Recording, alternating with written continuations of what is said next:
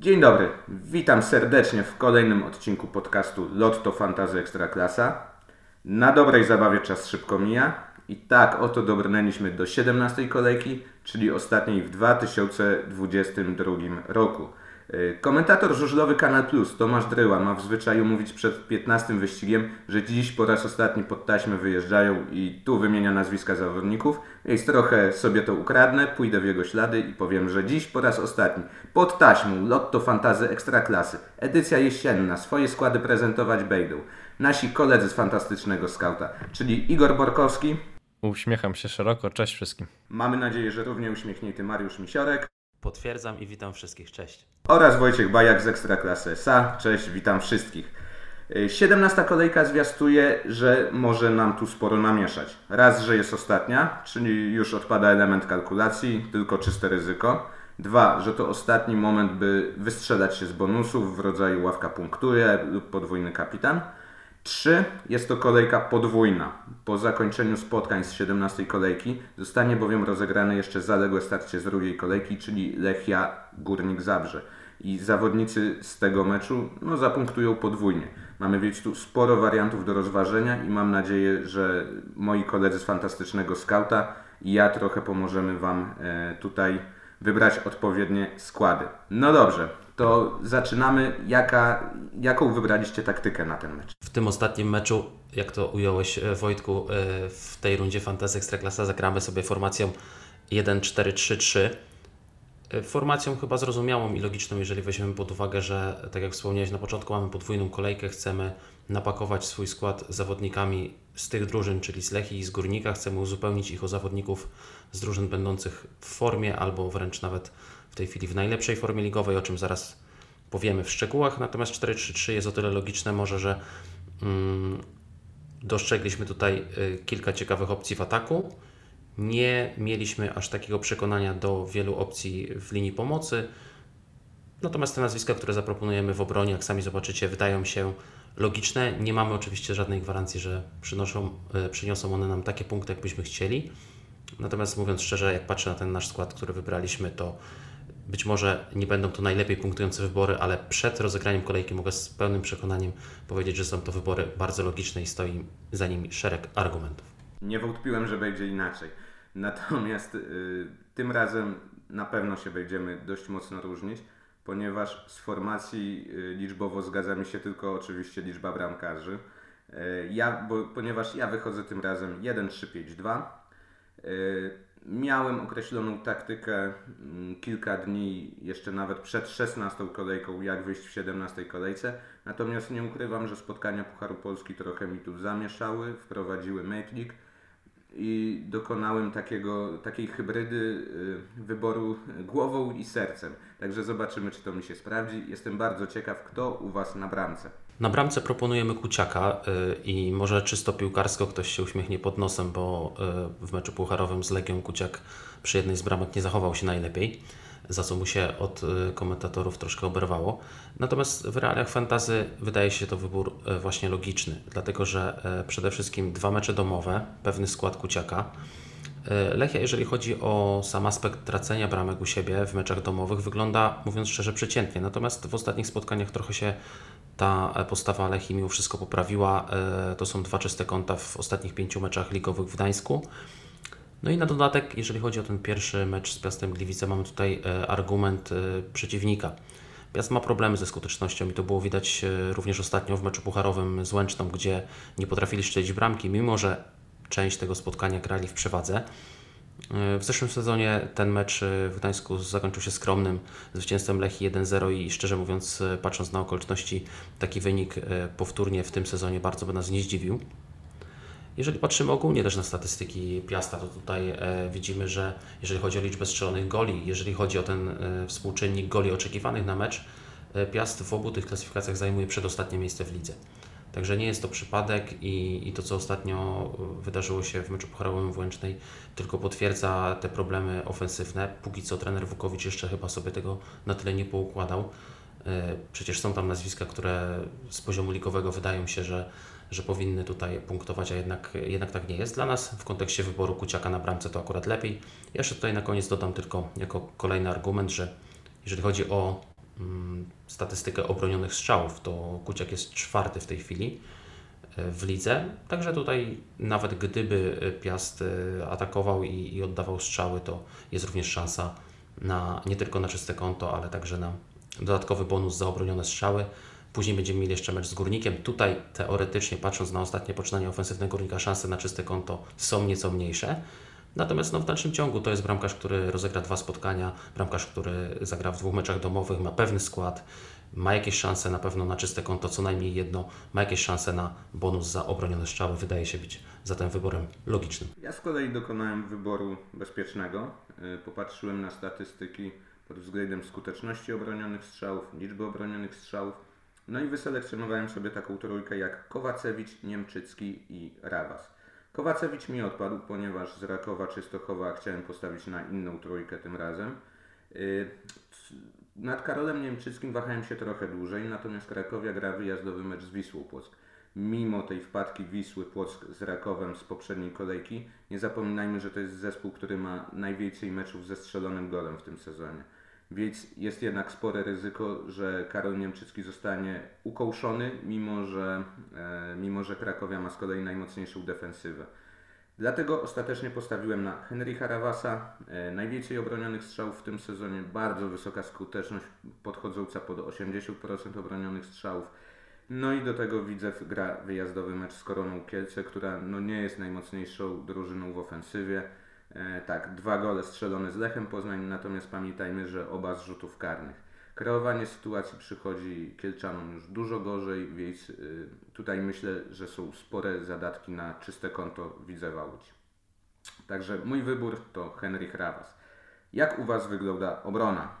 Naszą czwórkę obrońców zaczynamy od Erika Janży, czyli też od zawodnika, który w tej 17 kolejce będzie punktował podwójnie. E, no wydaje mi się, że to jest jeden w ogóle z najciekawszych wyborów e, na tę kolejkę, też najpewniejszych. Jako e, kapitan Górnika zakładamy, że, że tutaj nie ma specjalnych obaw o, o jego minuty i też wydawałoby się, że nie ma obaw o, o punkty, bo w trzech ostatnich meczach Górnik stracił tylko jedną bramkę i to w Szczecinie, gdzie byli zespołem wyraźnie lepszym, więc Mm, więc też jest to dobra, dobra informacja dla nas. E, także ta ich obrona się mocno uporządkowała i jest nadzieja na czyste konta. Wyjazd do Gdańska i domowy mecz z Miedzią to nie są najtrudniejsi rywale. E, wiadomo, różne rzeczy się mogą wydarzyć, ale do znudzenia będę powtarzał, że na tych e, zawodników e, grających podwójną kolejkę po prostu warto stawiać, nawet jeśli e, nie mieliby najłatwiejszych meczów, to, no to po prostu te, te dwa występy e, to, to, to zawsze jest potencjał na więcej. Chciałbym też powiedzieć, że potencjał na, mm, na punkty z przodu, jeśli chodzi o Erika Janży, no to niestety e, w siedmiu ostatnich meczach tylko jeden punkt w klasyfikacji kanadyjskiej. E, to nie są najlepsze liczby Erika Janży, bo przecież początek sezonu miał świetny i potrafił punktować e, co tydzień, ale z drugiej strony wydaje mi się, że nic nie stoi na przeszkodzie, żeby, żeby w tych meczach w Gdańsku i w Legnicy e, asystę lub nawet bramkę dołożył. Także e, zaczynamy właśnie od niego i, mm, i wydaje mi się, że to jest po prostu jeden z najciekawszych wyborów, e, być może mm, ogólnie patrząc na tę kolejkę. Pełna zgoda, zwłaszcza jeszcze tutaj dopowiem e, dwa słowa o Janży. Być może liczby ostatnio faktycznie nie przekonują te ofensywne, natomiast w dalszym ciągu, jak spojrzymy w statystykę dośrodkowań czy dośrodkowań celnych, to jest w tej chwili najlepszy zawodnik w lidze i nie jest to dziełem przypadku. Oczywiście on znaczną część tych statystyk wypracował sobie rzeczywiście w tej pierwszej fazie tej rundy, natomiast y, to wciąż jest y, zawodnik z potencjałem, który y, może zarówno dograć piłkę, jak i odnaleźć się w sytuacji w polu karnym, także wydaje mi się, że tutaj szansa na jakiś zwrot z przodu również jest. Przechodząc do drugiej e, pozycji e, w defensywie, którą wybraliśmy, będzie to Reboczo e, z Lecha Poznań. Reboczo generalnie ma za sobą przeciętną bardzo rundę, żeby nie powiedzieć, że słabą. Były tam narzekania na niego, podstawę, jeżeli chodzi o formację defensywną Lecha. Ale w ostatnim meczu z Koroną zaprezentował naprawdę bardzo dobrą dyspozycję. Rozegrał 90 minut, zaliczył 7 podań kluczowych, z tego była jedna asysta, 6 dośrodkowań. I ta jego aktywność w ofensywnych podłączeniach e, sugeruje nam, że być może w końcówce tej rundy jego forma poszła w górę. Podobnie zresztą jak e, chyba forma całego Lecha, bo to jest zespół, który w meczu z e, Koroną na tle być może jednego ze słabszych rywali ligowych, ale jednak zaimponował, o czym jeszcze będziemy później mówić przy wyborach ofensywnych. Nie będę tutaj teraz tych statystyk powtarzał. Jeżeli chodzi o aspekt defensywny, tutaj pewnym minusem może być fakt, że Jagiellonia, jeżeli chodzi o kreację, jest e, cały czas w tych statystykach ofensywnych w czubie ligi. To jest, jeżeli chodzi o gole strzelone, piąta ekipa. Jeżeli chodzi o gole oczekiwane, ten współczynnik jest nawet jeszcze lepiej, bo to jest trzeci zespół ligi w tej chwili. I też ostatnie mecze Lecha w Białymstoku nie wyglądały najlepiej. To były porażki 1 do 2, 0 do 1. Natomiast wydaje się, że patrząc na to, w jakim momencie znajdują się oba te zespoły w tej chwili, y, one troszkę zmierzają w przeciwnych kierunkach. Takie można odnieść wrażenie. I atmosfera w Lechu po wygranej pucharowej z Villarreal, po przedłużeniu kontraktu y, z Isakiem, o czym jeszcze będzie mowa, y, to wszystko jest takie budujące i wydaje się, że ten klimat w zespole rzeczywiście jest dobry na koniec rundy. Troszkę odwrotnie niż w Jagiellonii, bo tamte wyniki mimo wszystko się nieco posypały. Teraz wróci co prawda do ofensywy Gual, który pauzował za kartki, to jest dodatkowe zagrożenie dla czystego konta Reboczo, ale my tutaj liczymy nie tylko na ewentualnie e, czyste konto, ale również właśnie być może na jakiś zwrot ofensywny w związku z tymi statystykami, które tutaj przytoczyłem z ostatniego spotkania i w związku z no, taką naprawdę bardzo dobrą, jeżeli, jeżeli nawet nie najlepszą w tej chwili w lidze, e, kreacją Lecha na poziomie spotkań ligowych. Zgadza się. No i naszą e, czwórkę już e, w tej chwili powiem defensywną będziemy zamykać dwójką obrońców e, Rakowa. Wydaje mi się, że tutaj nikogo nie zaskoczę, mówiąc, że na mecz z Zagłębiem, mm, które w czterech ostatnich ligowych spotkaniach nie strzeliło żadnej bramki, a doliczając do tego mecz pucharowy to nawet w pięciu, no to, że wybieramy dwójkę obrońców Rakowa. Będzie to Tudor i Kun. E, no wydaje mi się, że, że tutaj naprawdę nie trzeba wiele mówić. To są obrońcy, którzy e, punktują regularnie i naprawdę mm, warto na nich stawiać. Tutaj być może e, ktoś zastanawiałby się, którego wybrać z nich, gdyby, mm, gdyby ktoś mógł postawić tylko na jednego. I to jest dopiero e, trudniejsze pytanie. Mm, w poprzedniej kolejce lepiej moim zdaniem wypadł Tudor. E, dwie asysty, cztery podania kluczowe, też osiem wejść w pole karne, czyli dwa razy więcej od Kuna na przykład. Mm, I generalnie wydaje mi się, że w tamtym meczu Kun, mimo że też e, asystę dołożył to wyglądał troszkę gorzej od, od Frana Tudora. Z drugiej strony, e, no wiemy, że Tudor na przykład bywa cofany do E, do tej trójki obrońców. Kun zazwyczaj jednak e, pozostaje na, na wahadle i gra wyżej. Zresztą gdyby spojrzeć na ostatnie kolejki, mm, na przykład na cztery ostatnie kolejki, to, to Kun wygląda punktowo znacznie lepiej. Dwa gole i, i asysta. Mm, no i w większości tych meczów robił czyste konto tylko z Wisłą Płock teraz. E, aha, przepraszam, no i z Lechem też faktycznie czystego konta nie zrobili, ale cały czas wydaje mi się, że, że potencjał jest ogromny, zwłaszcza biorąc pod uwagę ten mecz z Zagłębiem. Pojawiają się głosy, słyszałem takie komentarze, komentarze, że być może Raków będzie nieco mniej skoncentrowany na tę ostatnią kolejkę, albo że e, Zagłębie po mm, zwolnieniu Piotra Stokowca z nieco innym nastawieniem wyjdzie na, na ten mecz, ale no nie, wydaje mi się, że naprawdę Raków pre prezentuje taką formę w, e, w tym sezonie, że, że pominięcie e, tej dwójki a jak się później dowiecie, nawet trójki zawodników e, z Rakowa, mm, biorąc pod uwagę właśnie ich rywala, byłoby, e, byłoby błędem. Poprzednio zwycięstwo 7-1, no naprawdę e, na takich zawodników warto stawiać. No i cóż, w kwestii obrony, mimo że mamy inne formacje, nie różnimy się aż tak mocno. Ja mam trójkę i ona jest w 100% zbieżna z, z zawodnikami, których już wymieniliście ponieważ też mam Janże i tutaj znowu y, argumenty mógłbym przytoczyć podnoszone przez Was, czyli Janża jednak y, ma spory udział w grze ofensywnej Górnika Zabrze, która akurat jest jedną z najlepiej usposobionych ofensywnie drużyn, to też trzeba powiedzieć. Y, w dodatku Górnik ma, ma, ma mecz wyjazdowy w tej kolejce, a akurat na wyjazdach e, strzelił on 24 gole w 10 ostatnich meczach, czyli średnia ma, średnią goni ma 2-4 na mecz, więc to jest duża szansa, że Erik Janża zapunktuje podwójnie. E, zapunktuje podwójnie dobrze nawet, bo pamiętajmy, że to jest podwójna kolejka dla Górnika Zabrze. No i mam dwóch zawodników z Rakowa Częstochowa, czyli Patryka Kuna i Frana Tudora. E, zawodnicy, którzy notują bardzo dużo punktów w ofensywie, co przy obrońcach e, ma niebagatelne znaczenie. E, Patryk Kun, dwa mecze z rzędu z punktem klasyfikacji kanadyjskiej, Fran Tudor, to co powiedział Igor, dwie asysty w poprzedniej kolejce, więc no, jest spora szansa tutaj na zwroty. Tym bardziej, że grają z Zagłębiem Lubin, tym bardziej, że jest też spora szansa na czyste konto, bo mamy konfrontację drużyny z, najgor z najgorszą ofensywą, 12 goli strzelonych Zagłębia Lubin i drużyny z najlepszą defensywą, ponieważ Raków i Krak wespół z Krakowią mają właśnie po 11 goli straconych. Więc to jest taka formacja, w której bym powiedział, że, y, jest, że bardzo mało zaryzykowałem, natomiast jest duża szansa na dodatkowe punkty i na to właśnie liczę w wykonaniu swojego tercetu. Jak wygląda Wasza linia pomocy? Naszą linię pomocy zaczynamy kolejnym zawodnikiem e, z tych ekip, które grają podwójnie.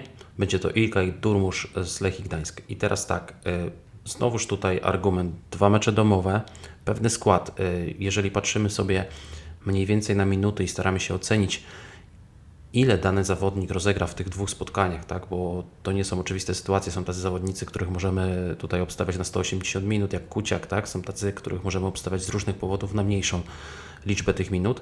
W przypadku Durmusza, gdybym miał zakresowo powiedzieć, jak to wygląda, to uważam, że on w tych dwóch spotkaniach rozegra coś z przedziału 150-180 minut. To jest wiadomo spory potencjał na to, żeby coś zrobić, zwłaszcza, że są to dwa mecze domowe, zwłaszcza, że jest to postać istotna w ofensywie Lechi. Tę rundę ma przeciętną, co tu dużo mówić jak cała Lechia być może, ale y, jak, jeżeli ktoś obserwował y, ostatnie spotkania Lechi, y, nie tylko ligowe, ale również te pucharowe, to z całą pewnością dostrzegł mimo wszystko pewien progres, który w grze zespołu nastąpił. I to, że po kontuzji do gry wrócił Zwoliński, o czym będzie jeszcze mowa, też nie jest tutaj bez znaczenia. Ta siła ofensywna Leki wygląda teraz już znacznie lepiej. Durmusz znowuż zaczął być ustawiany na prawej stronie, co powoduje, że jego zejście na tę lepszą lewą nogę do środka i ewentualne strzały, tak jak ostatnio zdobył właśnie w ten sposób bramkę w meczu pucharowym z Legią, znowu są pewnym argumentem ofensywnym, tak? E, była bramka wspomniana w meczu pucharowym, była asysta w meczu ze Starą Mielec. Średnio jest ponad 5 dośrodkowań na mecz, co jest bardzo e, uczciwą, mówiąc szczerze, liczbą. Jest również część stałych fragmentów gry, które wykonuje Durmusz. Także biorąc pod uwagę, że będą dwa mecze domowe i biorąc pod uwagę to, że w tych spotkaniach Durmusz w naszej ocenie rozegra myślę, że na pewno ponad 150 minut łącznie, i te wszystkie okoliczności, które ostatnio wskazują na to, że Lechia prezentuje się już nieco lepiej w ofensywie i sam Durmusz prezentuje się także lepiej, wskazują, że jest to wybór po prostu sensowny. No widzisz, e, mówisz tutaj o pewności dotyczącej e, minut, które rozegra Durmusz w tej najbliższej kolejce. No niestety ja tej pewności nie mam, jeśli chodzi o Lukasa Podolskiego i o mm, ten zakres minut, e, w jakich wystąpi mm, w najbliższej tej podwójnej kolejce. E, bo biorąc pod uwagę ten ostatni mecz pucharowy, w którym zagrał minut aż 120, Mm, no to mam obawy, że e, w tej łączonej kolejce też zagra coś koło 120, e, czyli zakładam, że na przykład wejdzie z ławki w tym najbliższym spotkaniu, e, w kolejnym już być może zacznie od początku, no i tutaj mamy pewne wątpliwości. Z drugiej strony 120 minut od zawodnika w takiej formie to nadal jest moim zdaniem bardzo kusząca, e, kusząca propozycja, zwłaszcza, że no Podolski w e, dwóch ostatnich meczach, w każdym z nich strzelał gola i notował asystę. E, forma wydaje się być naprawdę mistrzowska, mm, zwłaszcza no, biorąc pod uwagę tę bramkę ostatnią, ale nie tylko, no naprawdę wygląda, wygląda bardzo, bardzo dobrze. No i tutaj przede wszystkim czekamy na, na jakieś informacje kadrowe. Możemy zdradzić, że próbujemy dowiedzieć się czegoś więcej niż, e, niż w tej chwili mogę sobie tylko typować. Mm, być może ktoś mm, z kibiców górnika śledzących zespół mm, nieco bliżej niż, e, niż my z, z odległości e, będzie w stanie nam podpowiedzieć, jak on widzi ten czas gry Podolskiego w najbliższej kolejce. No i na pewno e, przedstawimy to w piątkowych przewidywanych składach, także zapraszamy już teraz na e, stronę fantastycznyscout.pl. Będziemy też prawdopodobnie w twitterowym hashtagu Zapytaj Scouta odpowiadać na, na pytania dotyczące Podolskiego, bo takich pytań jest mnóstwo. Mm, ja to doskonale rozumiem. Ja też mam pewne wątpliwości, czy kupować Podolskiego do prywatnego składu, mm, ale właściwie kupowałbym, tak, e, tak mi się wydaje. Być może wahałbym się co do opaski kapitańskiej. Jeszcze tydzień temu wydawało mi się, że jest to wybór mm, pewny, a po tych 120 minutach w pucharze zacząłem się wahać. Mm, także czekamy na informacje. W każdym razie wydaje mi się, że e, wziąć go do składu na tę podwójną kolejkę, e, niezależnie od tego, czy, czy wyjdzie w podstawie w najbliższym spotkaniu, czy nie, e, po prostu warto, bo, bo zapunktować spokojnie może. I naszą trzyosobową w tym momencie linię pomocy uzupełniamy no, kimże innym, oczywiście Iwim z Rakowa. I teraz e, uśmiecham się, ponieważ y, ostatnio doszło do pewnej aberracji. Wisła Płock wygrała 7-1. Zapunktowało w tym meczu siedmiu zawodników Rakowa Częstochowa. Nie zapunktował Iwi, który przebywał na boisku nomen omen 77 minut. E, naprawdę można się było e, zaśmiać wręcz, e, widząc to wszystko, co się tam wydarzyło. Przypomniało się od razu tym wszystkim, którzy grają również w Fantazy Premier League, przypadek Salaha z tego sezonu i 9-0 Liverpoolu z Barmów, gdzie również doszło do takiej aberracji i Salah nie zapunktował w tym meczu. Powiem szczerze, czy to jest argument za tym, żeby nie dawać w tej chwili Wiego do składu? No śmiem wątpić mimo wszystko. E, wręcz powiedziałbym, że ze, ze, statystycznego punktu widzenia być może jest to argument nawet w drugą stronę. Zresztą Iwi już w meczu pucharowym bramkę z rzutu wolnego zdobył, czyli przypomniał o sobie. To wciąż jest lider tak naprawdę najlepszego zespołu tej części sezonu. Tak? Ma większość stałych fragmentów gry, ma odpowiedni skill. Wiadomo, że jest to zawodnik chimeryczny. Jeżeli ma nieco gorszy dzień, to potrafi okazywać frustrację na boisku, a, nie koncentrować się na grze. Natomiast Raków sprawia wrażenie naprawdę rozpędzonej ekipy w końcówce tej rundy i kto jak kto, ale trener Papszun wydaje mi się, że zadba o tę koncentrację do końca i chociażby to, co wcześniej było wspominane w kontekście e, Kuna i Todora również nie będzie żadnego odpuszczania w ostatnim meczu. Jest to mecz z Zagłębiem, e, które ma problemy swoje, traci sporo bramek, nie strzela tych bramek, także okoliczności wydają się być dobre do tego, żeby Iwi zapunktował. Patrząc zresztą w historię spotkań yy, tych z Zagłębiem, to, to, dodatkowo znajdziemy też argument tutaj za Iwiem. Mamy trzy bramki w trzech ostatnich spotkaniach Iwiego z Zagłębiem łącznie w 12 meczach tej rundy, które rozegrał w pełnym, e, w pełnym wymiarze czasowym od początku Iwi 5 goli, 2 asysty. Nie są to może spektakularne osiągnięcia, ale w dalszym ciągu wiemy, że jest to zawodnik z takimi umiejętnościami, że spokojnie w takim meczu Zagłębiem zapunktować może. I tutaj jeszcze taka wisienka na torcie na koniec to jest mm, statystyki defensywne Zagłębia, jedna z najgorszych defensyw w ogóle w lidze, tylko Lechia i Mieć straciły więcej bramek niż Zagłębie. No i staje naprzeciwko najlepszej ofensywy. Najwięcej goli strzelonych Rakowa, najwięcej również tych goli oczekiwanych, wynikających ze współczynnika goli oczekiwanych. Także argumenty za Iwim na pewno są. Wasza trójka w całości znalazła się w mojej piątce, y, czyli Durmusz, Podolski, Lopez. E, z tego tercetu zatrzymałbym się na dłużej przy Lukasie Podolskim, ponieważ to jest rzeczywiście bardzo ciekawa rzecz, czy on fizycznie wytrzyma e, cztery mecze właściwie w ciągu dwóch tygodni. E, ja bardzo mocno rozważałem tutaj pozdrowienia dla Krzyśka Kandziego Okunukiego.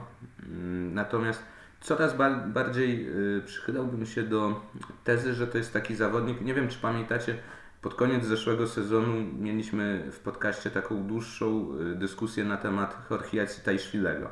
I stwierdziliśmy, że to jest zawodnik bardzo efektowny, natomiast nie, nie do końca podchodzący pod fantazy, y, żeby go wykorzystać właśnie w naszej grze. I tak właśnie myślę, że Kanji Okunuki to jest podobny typ zawodnika. Ciekawy dribbling, y, najwięcej w ogóle ma dribblingów na mecz w tym sezonie, bo cztery wykonuje w ciągu meczu średnio. Y, potrafi zagrać tak, potrafi pokazać takie zagranie, że ręce składają się do klasków, potrafi się znaleźć w sytuacji, oddaje dość dużo strzałów, strzałów celnych Natomiast y, jego skuteczność no, nie jest porażająca i to nie przekłada się na punkty. Ale jeśli y, ktoś chce dodać do swojego składu właśnie tą krztę szaleństwa, to Kanji Okunuki może być ciekawym wyborem, tym bardziej, że zapunktuje podwójnie. Ja natomiast zostałem przy takim bardziej konserwatywnym wyborze, czyli Lukas Podolski, Podolski w, w, każdym z dwóch ostatnich meczów strzelał gole i każdy z tych goli miał XG poniżej 300. E, to tak, tak z ciekawostek. E, swoją piątkę uzupełniam jeszcze graczami, którzy grają mecze pojedyncze, czyli Josue z Legii Warszawa, czeka go wyjazd na Śląsk Wrocław. Śląsk Wrocław jest drużyną dość chimeryczną, natomiast Legia Warszawa chyba znajduje się w tej fazie wzrostowej, a Josue no jest no nie do podważenia jest jego wkład w grę Legii Warszawa, absolutny reżyser gry. W tym sezonie jeszcze całkiem niezła skuteczność, bo ma 5 goli strzelonych, e, jest najskuteczniejszym w ogóle zawodnikiem, jeśli chodzi o strzały lewą nogą. Do tego dochodzą stałe fragmenty gry, których y, jest pierwszym egzekutorem w Legii Warszawa. Więc to wszystko się składa na to, że może warto postawić na tego zawodnika. I swoją piątkę uzupełniam y, nazwiskiem, które chyba nie padło w tym sezonie jeszcze, a jest to współlider klasyfikacji strzelców, jeśli chodzi o Polaków. Mianowicie stawiam na Jakuba Łukowskiego z Korony Kielce. E, to się trochę kłóci z moim wyborem bramkarza, którym jest Rawas. E, natomiast wydaje mi się, że jeśli Korona Kielce miałaby strzelić gola, to właśnie e, Łukowski będzie pierwszym kandydatem do tego. Nie ma innego nie ma zawodnika, który procentowo miałby więcej goli strzelonych swojego klubu niż właśnie on. Bodajże 4, 4 z 6 albo 5 z 7 ostatnich goli Korony Kielce to właśnie też Jakub Łukowski, a w całym sezonie prawie 42%. No i widać, że znajduje się, jeśli chodzi o skuteczność, w formie. Także może być to ciekawy wybór, tym bardziej, że e, ta defensywa Widzewa w dwóch ostatnich meczach no nie była monolitem.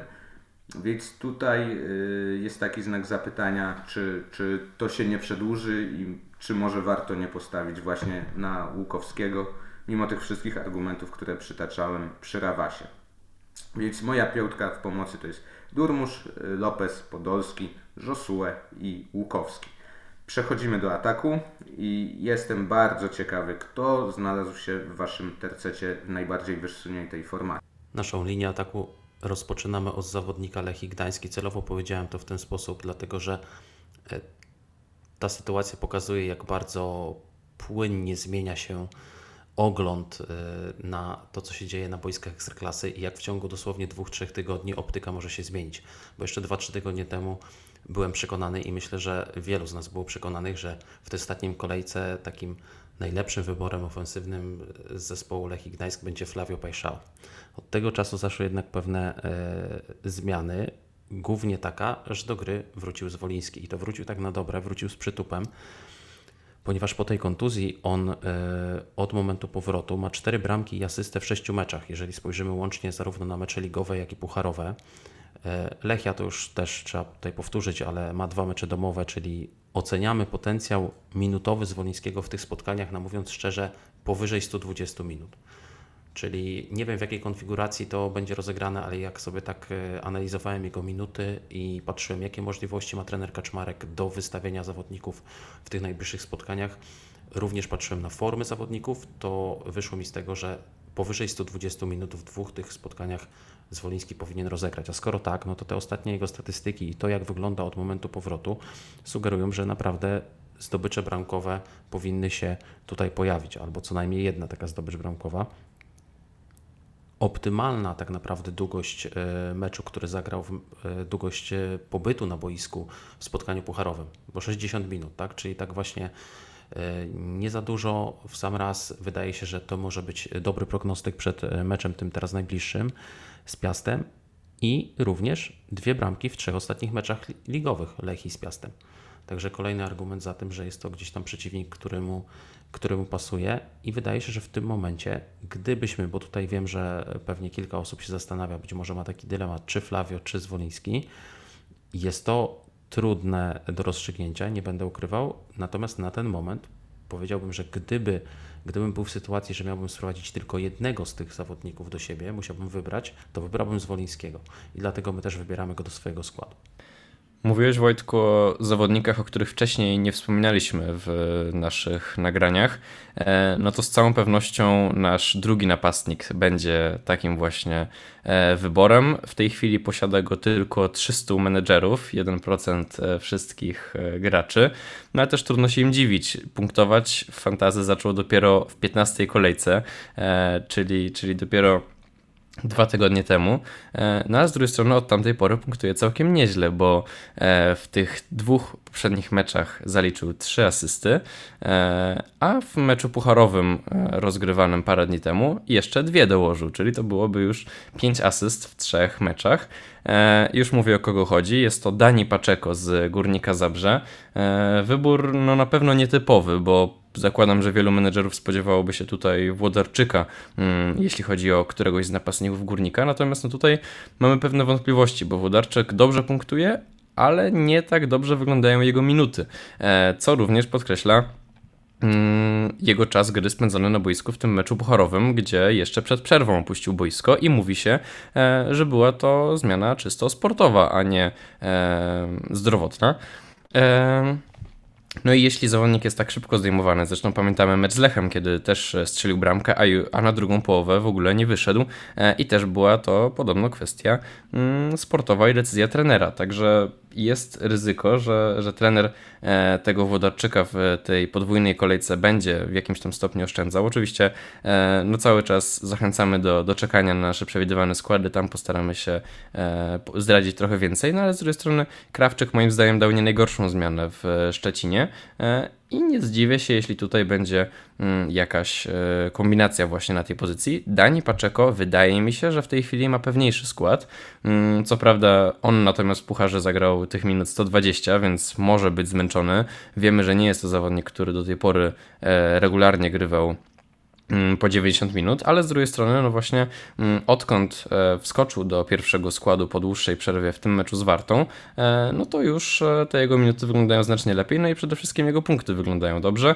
Naprawdę podobał mi się w tym meczu w Szczecinie, zresztą no, o tym mówią te, te liczby i te właśnie jego asysty, także mm, opcja do zrobienia różnicy. Opcja być może trochę ryzykowna, ale z drugiej strony e, nie jestem pewien, czy dużo bardziej ryzykowna od właśnie na przykład Włodarczyka, który, mm, co do którego nie mam pewności, jeśli chodzi o, mm, o minuty. No tutaj trudno mówić o kimś, e, co do kogo bym miał stuprocentową, e, stuprocentowe przekonanie, mm, być może do, do Erika Janży, mm, ale no wydaje mi się, że ten Paczeko jest, jest opcją całkiem pewną i, mm, i też ze sporym potencjałem punktowym.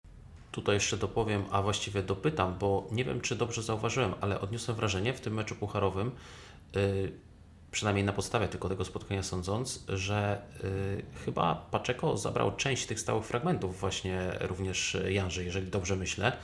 I to może być jeszcze dodatkowy argument za, yy, za jego mm, wyborem.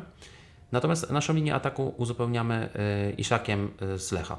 I to, co mówiliśmy już wcześniej, y, końcówka tej rundy jest bardzo dobra dla Lecha, nie tylko w aspekcie ligowym, ale również w aspekcie pucharowym. Y, myślę, że to spotkanie z Villarreal i, i takie zwycięstwo w takich y, rozmiarach podniosło morale tej drużyny. Dodatkowo teraz przedłużony kontrakt z właśnie Iszakiem. Kolejorz w meczu ligowym z Koroną zaimponował. Owszem, jest to przeciwnik, jeden ze słabszych w lidze, natomiast no, w dalszym ciągu oddanie 34 strzałów, co jest bodajże rekordem tej rundy Ekstraklasy, z czego 15 było celnych, do tego 11 rzutów rożnych. I jeżeli ktoś oglądał to spotkanie, to naprawdę y, można było odnieść wrażenie, że tam dalsze bramki dla kolejorza wiszą w powietrzu. Ten wynik troszkę przekłamuje przebieg tego meczu tak naprawdę, bo przez większą część spotkania Lech miał zdecydowaną przewagę i tych bramek mogło i powinno być, może być więcej. Iszak był w tym spotkaniu, wydaje się, trochę jednak oszczędzany po meczu pucharowym. Zszedł przed 70 minutą, nie pamiętam dokładnie w tej chwili tej minuty, ale na pewno przed 70 minutą został zmieniony.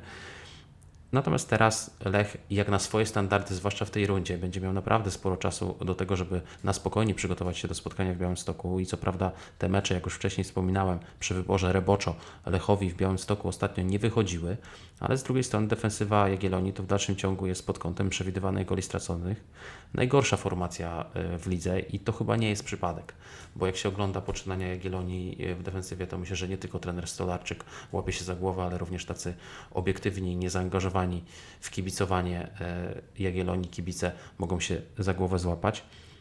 Patrząc na samego Iszaka, w 10 ligowych meczach w podstawie 6 bramek, 2 asysty, więc całkiem przyzwoite liczby.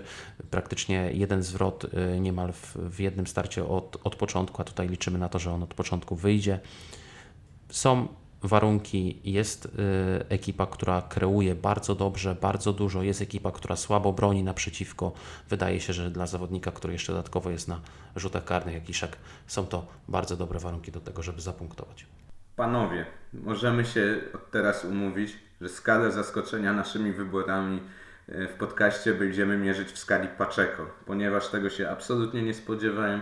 E, jestem zupełnie zaskoczony. E, natomiast rzeczywiście wybór bardzo ciekawy, który, który totalnie nie przyszedł mi do głowy, a liczby przemawiają właśnie za Hiszpanem z Górnika Zabrze.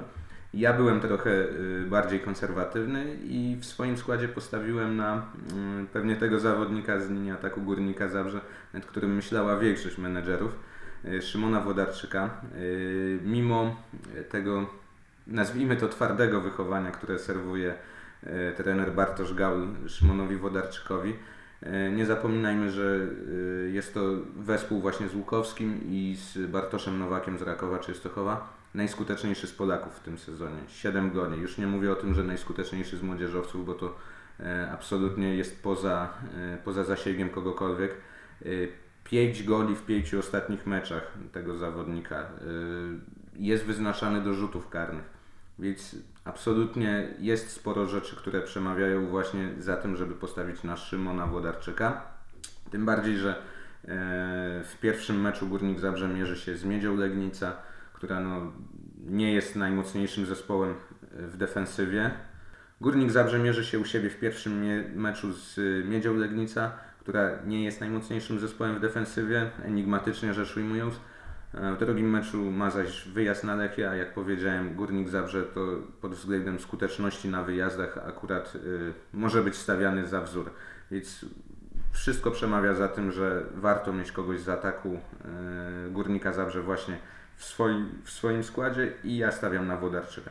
Numer dwa to z kolei wspomniany już przez Was Łukasz Zwoniński, który doszedł do bardzo wysokiej formy e, w ostatnim czasie i chyba rzeczywiście jest opcją bezpieczniejszą niż Flavio Paixão, aczkolwiek atak Lechii Gdańsk to jednak jest e, spor, spory kalejdoskop zmiennych, e, jeśli chodzi o te dwa nazwiska w tym momencie dużo przeważa za, za Łukaszem Zwolińskim, natomiast być może y, okaże się, że właśnie tym złotym strzałem będzie Flavio Paixao i opłaci się jego posiadaczom.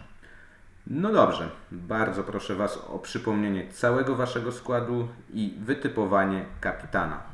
Tak jest, więc skład ułożyliśmy w formacji 4-3-3 na bramce Duszan Kuciak, czyli podwójna kolejka e, w barwach Lechii Gdańsk, e, w obronie Erik Janża, czyli podwójna kolejka w barwach Górnika Zabrze, następnie Reboczo i dwójka z Rakowa, czyli Tudor i Kun, mm, w pomocy Durmusz, Podolski i Iwi Lopez, a w ataku Zwoliński, Paczeko i Isak. Jeśli chodzi o opaskę kapitańską, to w tej chwili powierzamy ją e, właśnie Erikowi Janży, o którym wspominałem, że jest jednym z najpewniejszych, jeśli chodzi o minuty przynajmniej wyborów e, z Górnika Zabrze. Mm, ja na przykład e, i wydaje mi się, że są zatem argumenty, e, jeśli chodzi o tę parę Lechia Górnik, mm, to mocniej stawiam na Górnika, także to komuś e, z nich chciałem tę opaskę kapitańską powierzyć.